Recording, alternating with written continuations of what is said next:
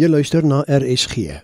Die vroegoggendgedagte word vandag aangebied deur Dr. Thomas Dreyer van die Gereformeerde Kerk Randburg en ook Cross Culture Church.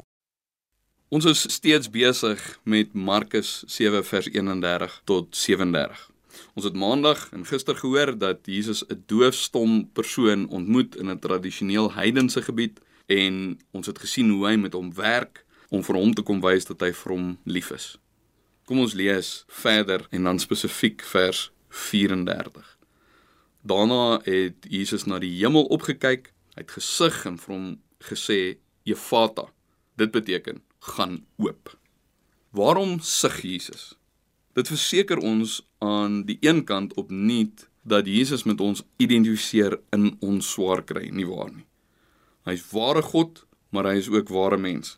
Selfs al weet hy hy gaan hierdie man genees, mis hy nie die geweldige swaar kry wat sy gebrek in sy lewe veroorsaak het nie. Hy is diep bewus van die stikkend en die seer en die deemekaar van hierdie wêreld.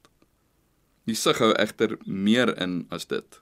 Die Griekse woord vir sig is 'n sterk woord wat sommige vertaal met 'n diep sug of in Engels met moan of groan. Dit beskryf iets van 'n diep pyn en seer. Jesus voel op daardie oomblik die gevolge van die gebrokenheid wat deur die sonde in hierdie wêreld ingekom het. Hy besef ook wat dit gaan kos om dit weer reg te maak.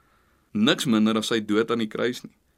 Hierdie sug sou op sy dood uitloop sodat ek en jy by hom kan sug.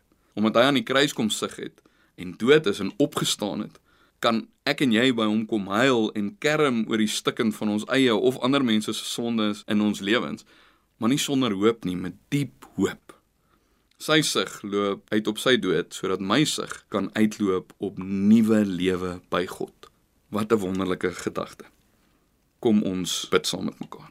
Here baie dankie dat U nie ver van my swaar kry en my seer afstaan nie, maar dat U daarmee identifiseer en meer nog dat U die swaarste swaar op U self geneem het sodat ek in my swaarste swaar kan weet ek hoef dit nooit sonder U aan te pak nie. Ek kan saam met die Heilige Gees sug in hierdie verwagting dat U my en U hele skepping gaan nuut maak. Amen. Dit was die vroegoggendgedagte hier op RSG, aangebied deur Dr. Thomas Dreyer van die Gereformeerde Kerk Randburg en ook Cross Culture Church.